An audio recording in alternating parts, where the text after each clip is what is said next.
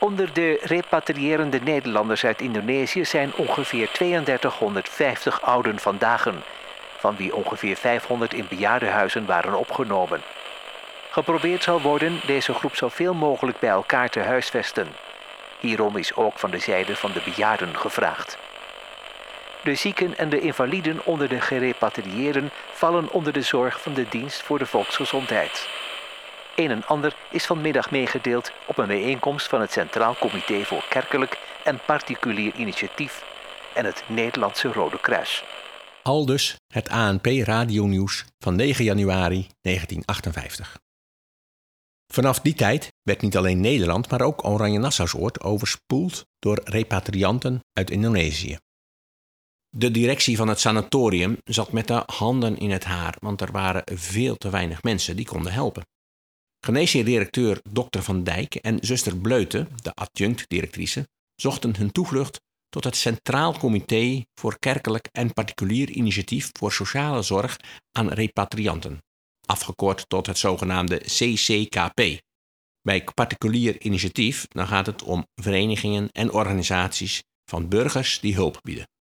Binnen dat CCKP werkten een kleine twintig organisaties samen aan de assimilatie van gerepatrieerden uit Indonesië in Nederland. Dat wil zeggen dus voor het opnemen van landgenoten in de samenleving. Veel mensen werkten om niet mee aan die opvang. Blijkt uit het ANP radionieuws van 22 februari 1958. Het Centraal Comité voor Kerkelijk en Particulier Initiatief heeft voor het opnemen van minderjarige alleenstaande repatrianten uit Indonesië meer dan 2000 aanbiedingen ontvangen. Dit is ruimschoots voldoende voor de behoeften van het ogenblik. Het blijft echter mogelijk dat in de toekomst opnieuw een beroep op pleeggezinnen moet worden gedaan voor geëvacueerde jongeren uit Indonesië. Hetzelfde geldt voor het onderbrengen van ouden vandaag uit Indonesië. Ook voor hen zijn de mogelijkheden op het ogenblik voldoende, maar de kans is groot dat in de toekomst extra voorzieningen zullen moeten worden getroffen, aldus het Centraal Comité voor Kerkelijk en Particulier Initiatief.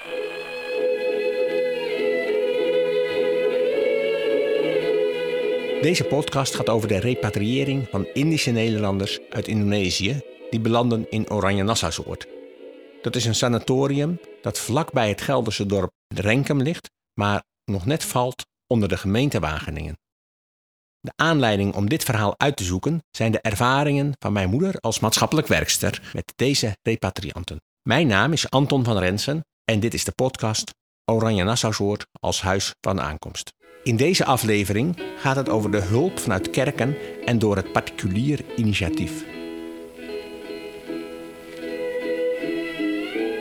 De hulp via het CCKP kwam zelfs van koningin Juliana, had het ANP op 15 januari 1958 bericht. Hare Majesteit de Koningin heeft een belangrijke gift gedaan aan het Nederlandse Rode Kruis. De schenking is bedoeld als bijdrage voor de hulp die het Centraal Comité van Kerkelijk en Particulier Initiatief en het Rode Kruis bieden aan de Nederlanders die uit Indonesië moesten vertrekken. Onder de ruim 20 organisaties die binnen het CCKP met elkaar samenwerkten, waren onder andere het Landelijk Sociaal Caritatief Centrum van de Rooms-Katholieke Kerk, de samenwerkende Protestantse Kerken, de Nederlands-Indische Officiersvereniging Ons Aller Belang, de Vereniging Zorg voor Gerepatrieerden, de Nederlandse Huishoudraad, de Stichting Pelita en het Nederlandse Rode Kruis. Vooral de inzet van het Rode Kruis en van het ministerie van Maatschappelijk Werk hielpen Oranje Nassausoord uit de brand toen er een groot aantal bejaarde Indische Nederlanders het sanatorium binnenkwam. Zuster Bleute, de adjunct-directrice, schreef bijvoorbeeld korte briefjes aan dames van wie ze de naam en het adres van het ministerie had doorgekregen. Bijvoorbeeld aan zuster De Lange uit Rotterdam of zuster Van Kempen uit Linschoten. Geachte mevrouw, van het ministerie van Maatschappelijk Werk kregen we uw naam op met de mededeling dat u waarschijnlijk bereid zult zijn ons enige tijd terzijde te staan bij het verplegen van gerepatrieerde bejaarden. We zitten inderdaad dringend om hulp verlegen. Zou u zo goed willen zijn mij zo spoedig mogelijk op te bellen om eventueel een afspraak te maken? Bij voorbaat vriendelijk dank. Zoals de naam al aangeeft, maakten ook veel kerken deel uit van het Centraal Comité voor Kerkelijk en Particulier Initiatief. De grote inzet van zowel kerken als het particulier initiatief kent een lange traditie in Nederland. Vanaf ongeveer 1850 nam die een grote vlucht. En dat ging samen met de politieke keuze om hulpverlening zoveel mogelijk aan het lokale gezag, dus aan provincies en gemeenten over te laten, in plaats van centraal geleide hulp door Den Haag. Maar dat wil niet zeggen dat het altijd koek-en-ei was tussen het Centraal Comité en de lidorganisaties. Met het Rode Kruis bijvoorbeeld bestond er soms een spannende relatie. Dat was in ieder geval het beeld zoals dat naar buiten kwam. Over veronderstelde onderlinge spanningen lezen we in een verslag van een overleg tussen 22 Veluwse burgemeesters, onder wie Maarten de Niet uit Wageningen.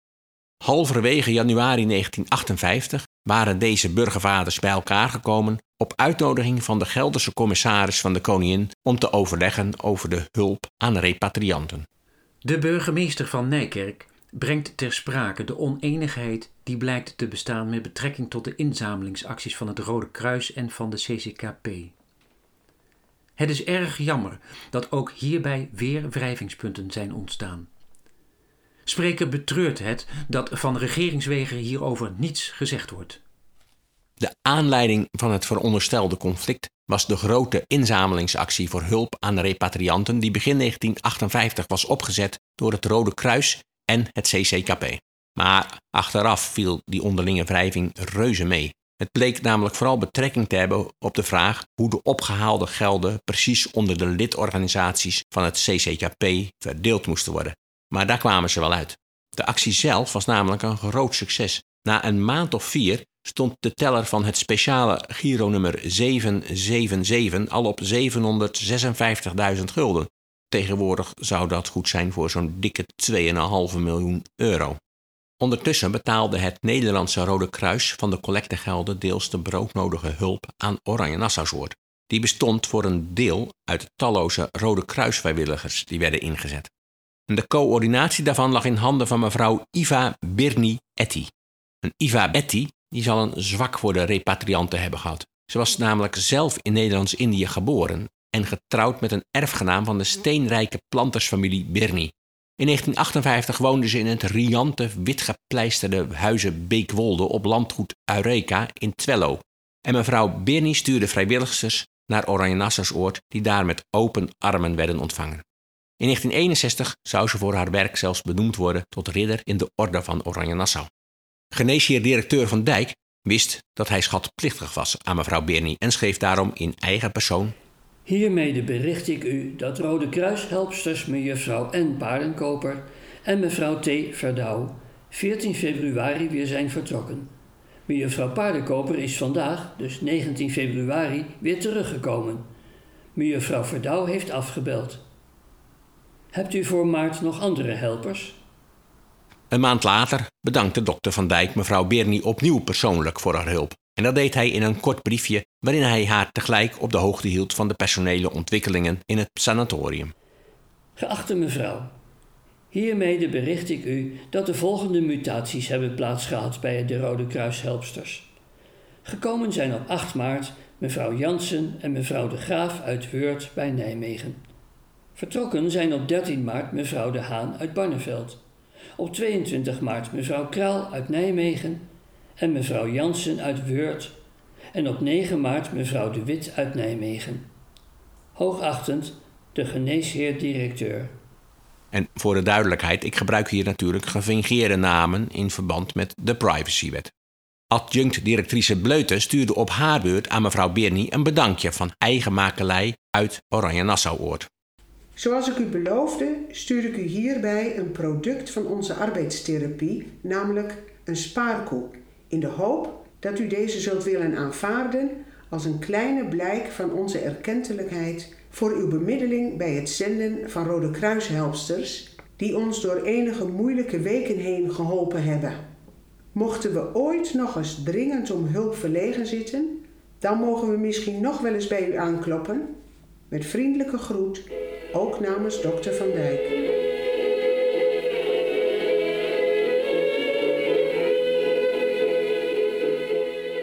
Van alle kanten komen er aanbiedingen binnen om hulp te verlenen. Men wil wat doen, men wil actief bezig zijn ten bate van de gerepatrieerden. Er wordt veel gebreid voor de oude vandaag, zoals wollen sjaals, sokken, etc.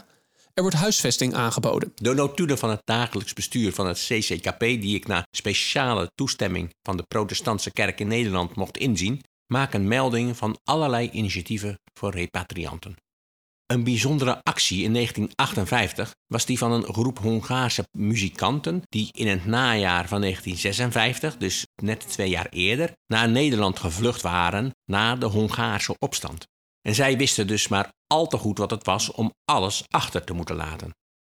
Vanuit het CCKP kreeg ook Oranje Nassausoord praktische hulp. Zo leverde het bijvoorbeeld honderden knotten wol, zodat de damespatiënten naar hartelust konden breien. En ook kwam er hulp toen vanuit de gemeente Wageningen gevraagd werd om een babyuitzet. Jonge vrouw, in verwachting van tweeling. Kinderen moeten na geboorte direct een TBC-kuur van 10 dagen en daarna naar een kinderthuis worden gebracht. Daarvoor is wel een babyuitzet nodig. Of neem die twee mannen die in Oranje Nassausoord in het mannenpaviljoen lagen en die gehoorapparaten nodig hadden.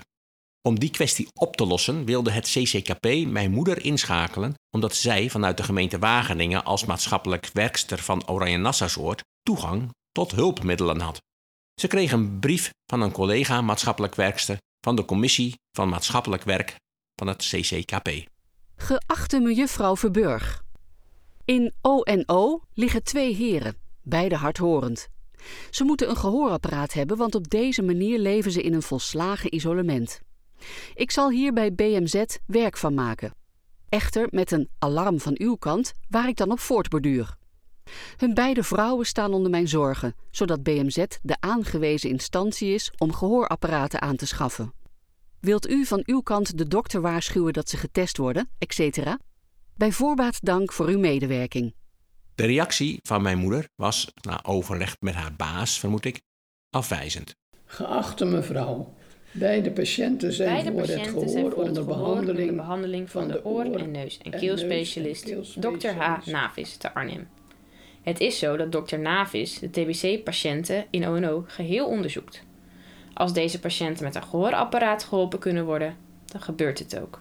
Echter met de bepaling dat in verband met een audiometrisch onderzoek het vervoer en het onderzoek wat het longproces betreft medisch verantwoord is. Indien dus de patiënt nog zwaar positief is, etc., kan dit niet gebeuren. Het meten kan niet in ONO gebeuren, daar een audiometer een grote kast is die bij de specialist thuis staat. Het feit is er dat deze heren betrekkelijk geïsoleerd zijn. Wat echter het zwaarst is, moet mijn inziens het zwaarst wegen in dit geval. Hopelijk u echter met deze mededelingen van dienst te zijn geweest. de De maatschappelijk werkster C.E. Verburg. C.E. Verburg. De truc van het CCKP richting het ministerie van Maatschappelijk Werk mislukte. Een hulpactie die wel slaagde, kwam van de Vreugdecentrale van de VPRO. De Vreugdecentrale maakte deel uit van het wekelijkse zondagshalfuurtje dat door de VPRO werd uitgezonden.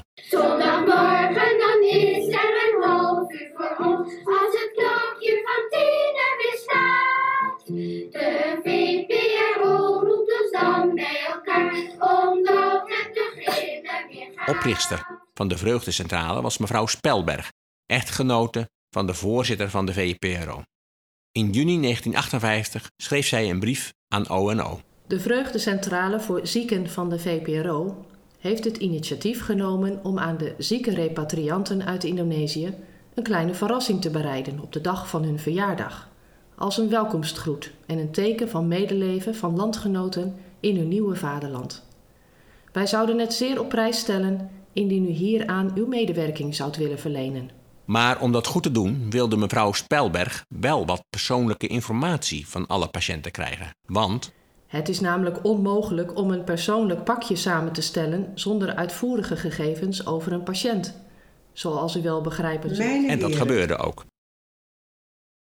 Schreef zuster Bleute terug aan de Vreugdecentrale Onze van mevrouw hartelijke Spelberg. dank voor de mooie zending speelgoed die we mochten ontvangen voor de kinderen. Tegelijk maakten patiënten in Oranje Nassausoord tijdens de arbeidstherapie zelf ook cadeautjes die via de Vreugdecentrale naar zieken in het hele land gingen. Zo kreeg ONO van een mevrouw een bedankbriefje voor een kunstig houtsnijwerk, moedergans en zes kuikens dat ze via de vreugdecentrale had gekregen. En zo waren er meer organisaties die aan de repatrianten in O&O dachten. Het productschap voor pluimvee en eieren schonk met Pasen alle patiënten een doosje met zes eieren. En voor de dameszangvereniging van de grote Rotterdamse scheepswerf Wilton Feyenoord bleek geen plek te zijn in mei 1958, want er traden al twee andere koren op.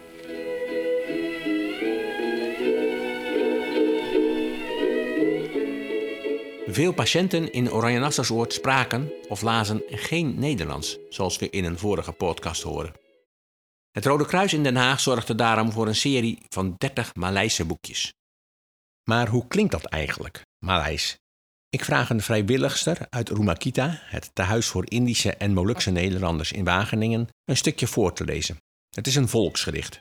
Daarna lees ik de vertaling voor.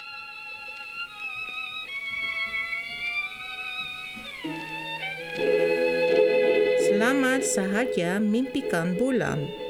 Niur gugur dengan tandanya. Tidur selama mimpikan Tuan, rasaku tidur di bantal lengannya.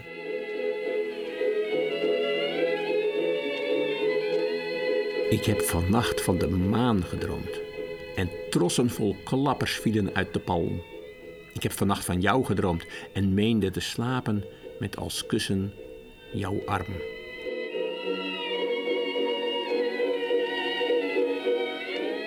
Dat mensen geen Nederlands spraken of lazen, God ook voor de ouders van Philip Manahua.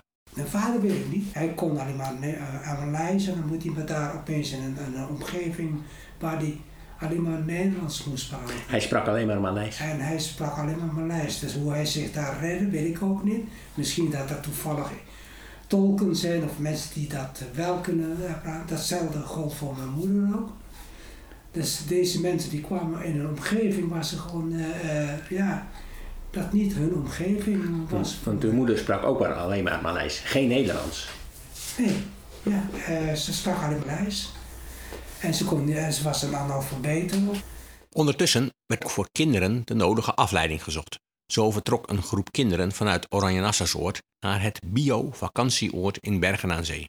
Dat staat in het schriftje van mijn moeder op 8 mei 1959 en mijn moeder bracht ze met de trein.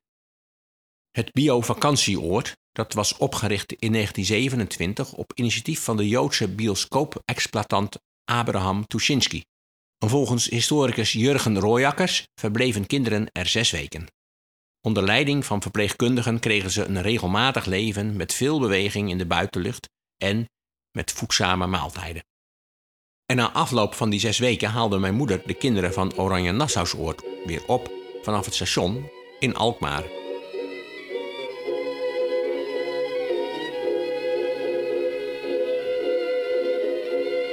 Dit is de kapel. Die is er nog. Was het, was het een protestants-christelijke instelling? Ja. ja. Merkte je er ook wat van? Uh, nou, we hadden christelijke feestdagen. Ja, maar dat hebben we in heel Nederland. Ja, oké, maar dat werd dan ook echt gevierd. Ja. En er werd naar de kerk gegaan. Het sanatorium kreeg in 1957 voor het eerst een eigen geestelijk verzorger. Naast de dominees die zondags in de kerk voorgingen.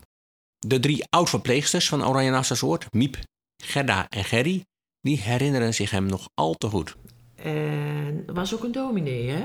Ja. Hoe heette die ook alweer? Dat zou ik niet weten. Ik ga binnenkort naar de oude van Troostwijk. Oh ja, zeker. Ik geloof dat, dat die de, de predikant was.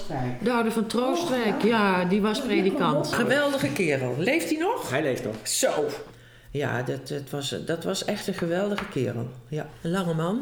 Herinner je je nog hoe die preekte? Nee. Nou, ik weet wel dat het de goede preken waren. Ja.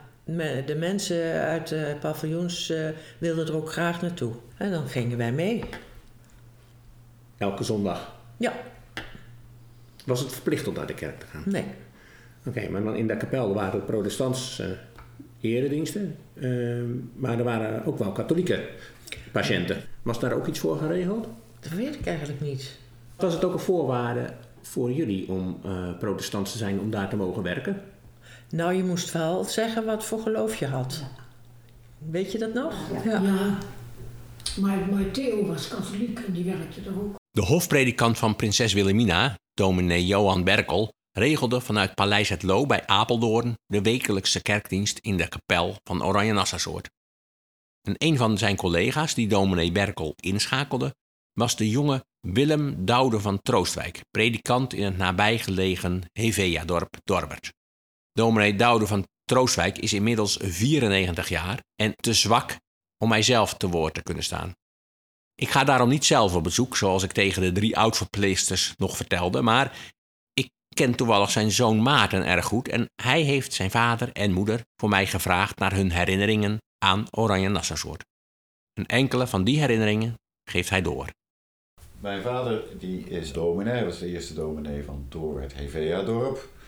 Hevea-dorp was een soort industriestadje, plaatsje, waar uh, men ook een dominee nodig had.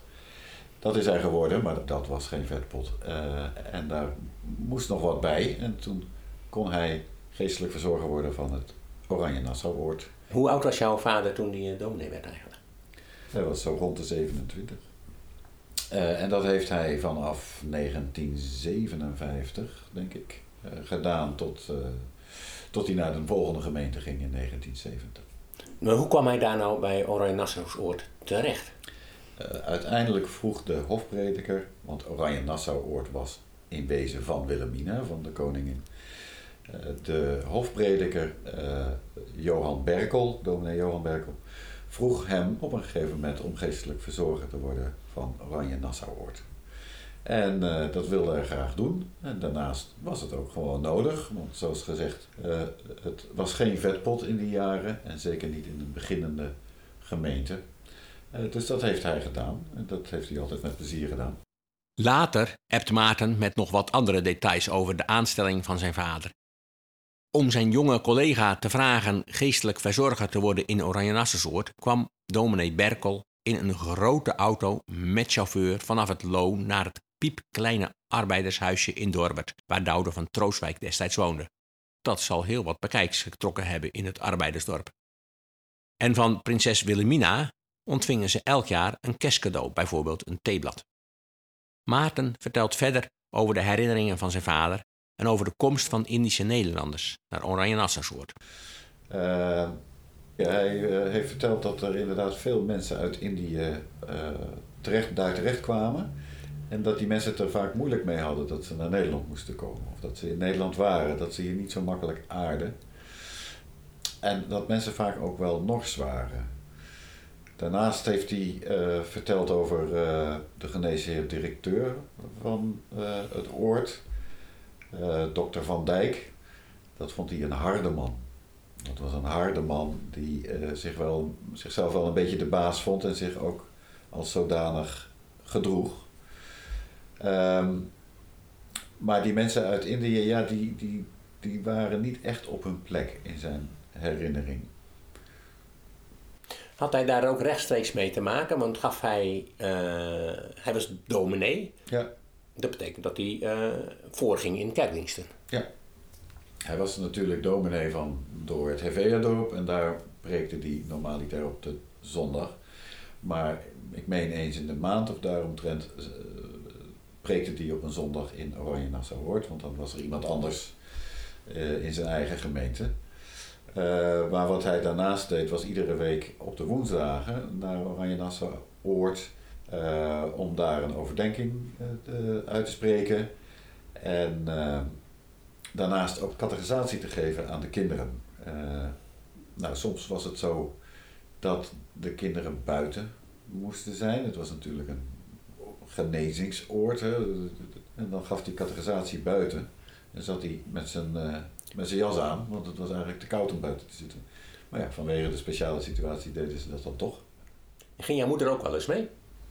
Jawel, die ging ook wel mee. Die was natuurlijk uh, erg betrokken bij al het gemeentewerk. Uh, en uh, ja, deed, deed, deed overal wel aan mee. Niet iedere keer natuurlijk, ze zal niet iedere woensdag mee geweest zijn. Uh, maar zeker, ja, ze was er overal bij betrokken.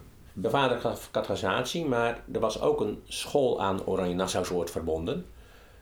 Um, gaf hij daar ook nog les aan? Uh, ja, dat deed hij ook, godsdienstonderwijs. Ehm, naast die categorisatie, dus ook uh, godsdienstonderwijs voor de hele uh, gemeenschap van kinderen daar. En hij had ook goed contact met een pater, vertelt Maarten. Naast de protestantse kerkdienst voerde een katholieke pater ook wekelijks de mis op in de kapel voor de katholieke patiënten. En omdat er ook Molukkers in Oranje Nassausoord woonden, kwam op woensdag soms een Molukse predikant langs voor de kerkdienst. Dat waren bijvoorbeeld de dominees Topoloho en Petulima.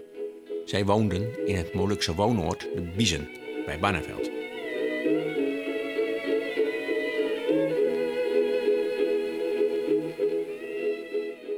Nog één grote actie van het particulier initiatief van het CCKP moet ik noemen.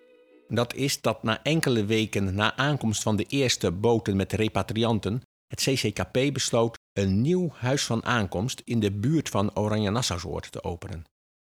De komst van tienduizenden oude vandaag was tenslotte een van de grootste uitdagingen bij de repatriëring. En het idee leefde dat het het beste was dat Indische en Molukse bejaarden een eigen plek kregen. Oosterse mensen onder elkaar. En zoals we eerder gehoord hadden, leefde dat ook bij henzelf. Uiteindelijk kocht het CCKP het voormalige sanatorium Dennerust. Ook dat stond in de gemeente Wageningen en in de buurt van Renkum, op een kleine twee kilometer van Oranje-Nassausoord. De voorzitter deelt de aanwezigen mede dat na overleg met het dagelijks bestuur en met de commissie Maatschappelijk Werk het bejaardentehuis Dennerust te Renkum is aangekocht, met geld van de overheid en een hypotheek, welke na tien jaar moet worden terugbetaald. De aankoop is door het CCKP geschied omdat het niet mogelijk was in een zo korte termijn nog een eigen stichting op te richten. Dit tehuis is voor protestantse bejaarden en telt 45 bedden.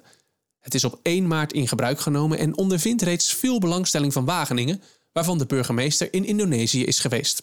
Ook vanuit ONO kreeg Dennerust de nodige aandacht, al was het maar dat de repatrianten die in Dennerust kwamen in Oranje Nassausoord werden onderzocht op tuberculose maar ook op hartziekten. Dat gebeurde al op 9 maart 1958, ruim een week na opening van Dennerust. Het gevolg? Een van de onderzochte heren werd alsnog voor onderzoek in het sanatorium opgenomen, omdat dokter Van Dijk verdachte, grove, vlekkige afwijkingen had ontdekt. In het kleine zwarte schriftje van mijn moeder lees ik dat ook zij mensen bezocht die vanuit Oranje Nassausoord naar Dennerust verhuisden. Zij bezocht er bijvoorbeeld het echtpaar Veltens, mevrouw van Apkoude en de heer van Gelderen. Ook had ze verschillende gesprekken met de directeur, dominee Kuilart, oftewel dominee Dennenrust, zoals ze die in haar aantekeningen noemt. De betrokkenheid vanuit Wageningen bleek ook toen burgemeester de niet de kerstverse bewoners van het bejaardencentrum uitnodigde als speciale gasten voor de Wageningse bevrijdingsfeesten op 5 mei 1958. Een bedankbrief met zo'n 40 handtekeningen van bewoners volgde. Onder de namen op die brief staan ook een aantal voormalige patiënten van Oranje Nassausoort, zoals de heer Vader, mevrouw Brouwer en de heer Patiwaal. Dennenrust ontwikkelde zich tot een steeds groter rusthuis voor Molukse en Indische Nederlanders. En dat is het nog steeds, al heet het dan nu Rumakita, en dat betekent ons huis. Rumakita en Oranje Nassausoort maken tegenwoordig zelfs deel uit van dezelfde Zinzia zorggroep. Dat mijn moeder als maatschappelijk werkster ook in Dennenrust kwam, had dus alles te maken met het vertrek van patiënten uit Oranje Nassausoord. Die vertrekprocedure verliep niet altijd even soepel en leverde soms pijnlijke situaties op met traumatische herinneringen aan de tijd in het sanatorium. Het is het onderwerp van de laatste podcast.